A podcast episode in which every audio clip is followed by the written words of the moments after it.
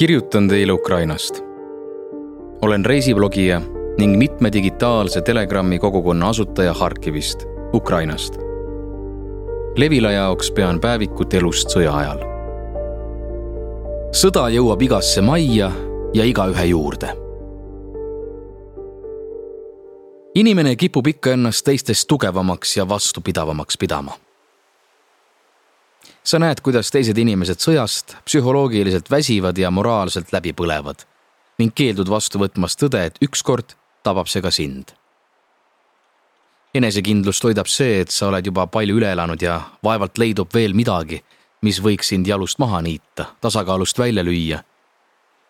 sa tead, et oled Harkivist läbi käinud, külastad inimesi üpris ohtlikes paikades ning hakkad ajapikku uskuma, et tugevuse poolest ületab sind ehk vaid teemant see on väga petlik tunne.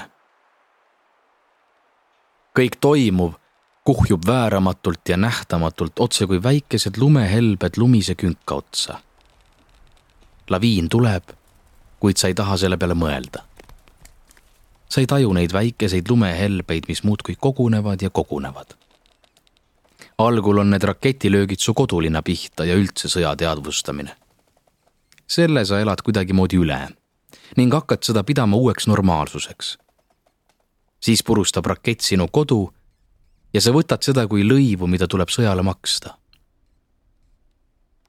veel keeldud sa märkamast sinus paisuvat viha ja raevu. see on kõikehaarav.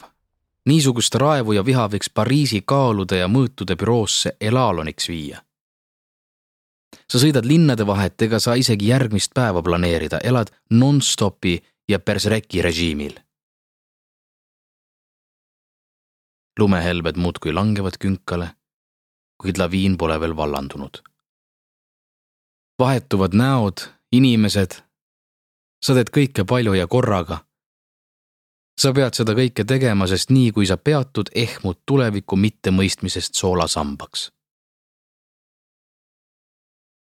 mingil hetkel sa leiad ennast kodunt sõna otseses mõttes tuhande kilomeetri kauguselt võrdlemisi rahulikus Lääne-Ukrainas saab sinust kõrvaltvaataja.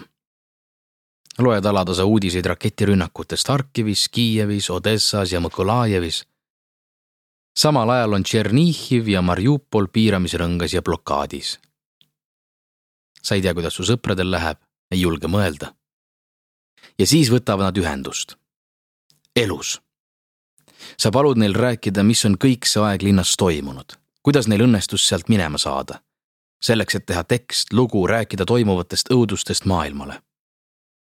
lased põrandal istudes nende lugusid endast läbi, lihtsalt kuulates või nende sõnu kirja pannes. võrdled nende kogemusi enda omaga ning hakkad mingil hetkel enda läbielamisi pisendama. peas lööb kogu pauguna kõmisema mõte. vaat kus oli tõeline põrgu. sinu kogetu on jalutuskäik lilleaias peas lööb kogu pauguna kõmisema mõte. vaat kus oli tõeline põrgu. sinu kogetu on jalutuskäik lilleaias. hakkad pärast Mariupolit uues reaalsuses just nagu tasakaalu leidma. kuid siis tulevad Butša, Irpin ja Borodjanka.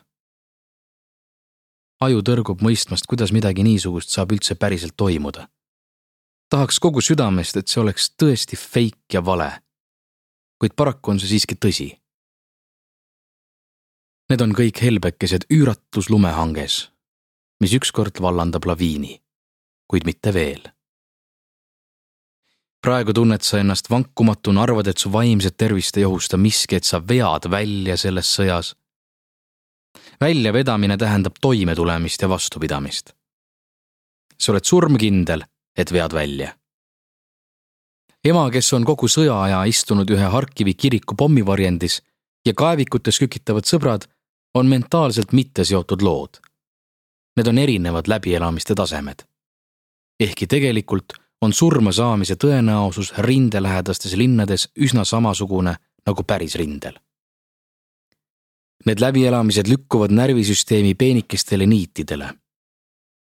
siis aga saabud sa Harkivisse ja satud blackouti testrežiimi. istud ilma valguse ja sideta ega tea, mis mujal maailmas toimub lumehangele lisandub järjekordne räitsakas. side on niivõrd tähtis asi. sa ei mõista seda seni, kuni see kaob täielikult.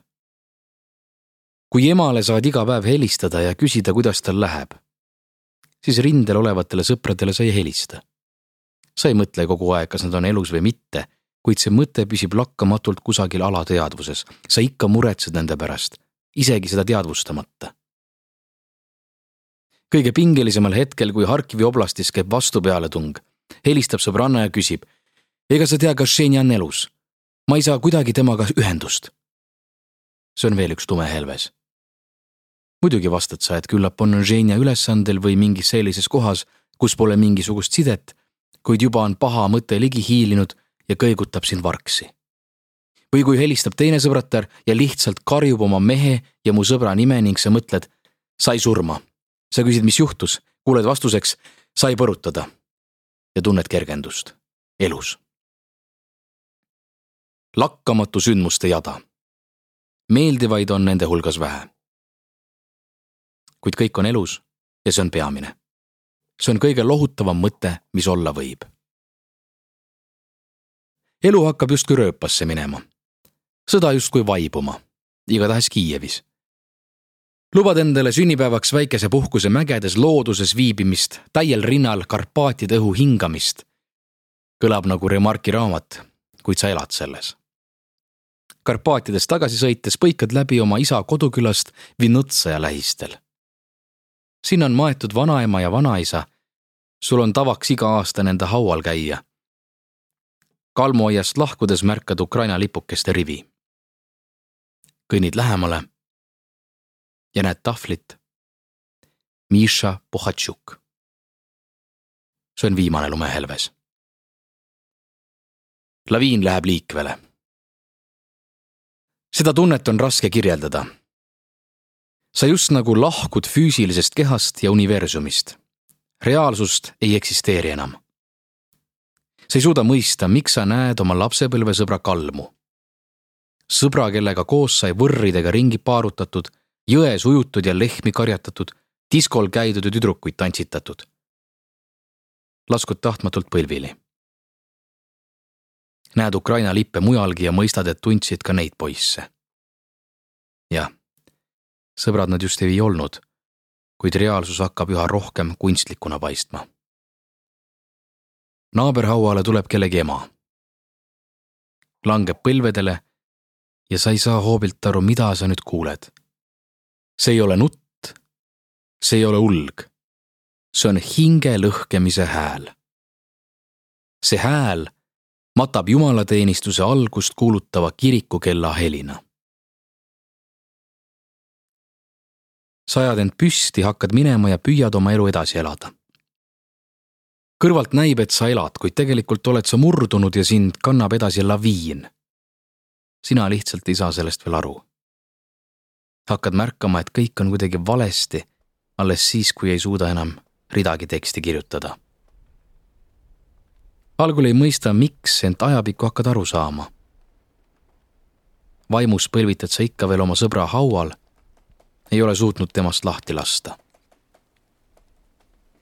ja nüüd siis, kahe kuu möödudes, oled sa lõpuks valmis kirjutama oma sõbrast ja kangelasest, kes andis oma elu Ukraina eest Miša Puhatšukist. ühel päeval saab kõikidel ukrainlastel olema sõjas hukkunud sõber või sugulane. meil Ukrainas ei ole enam tsiviilelanikke, me oleme kõik sõdalased. igaüks sõdib oma rindel. see tekst on minu teekond tervenemise poole, näidates, et ma olen vaimselt Miša haualt püsti tõusnud tõusin, et võitu lähemale tuua. et pidada meeles oma sõpra ja kangelast Mišat, kes langes lahingus Severodonetskit kaitstes.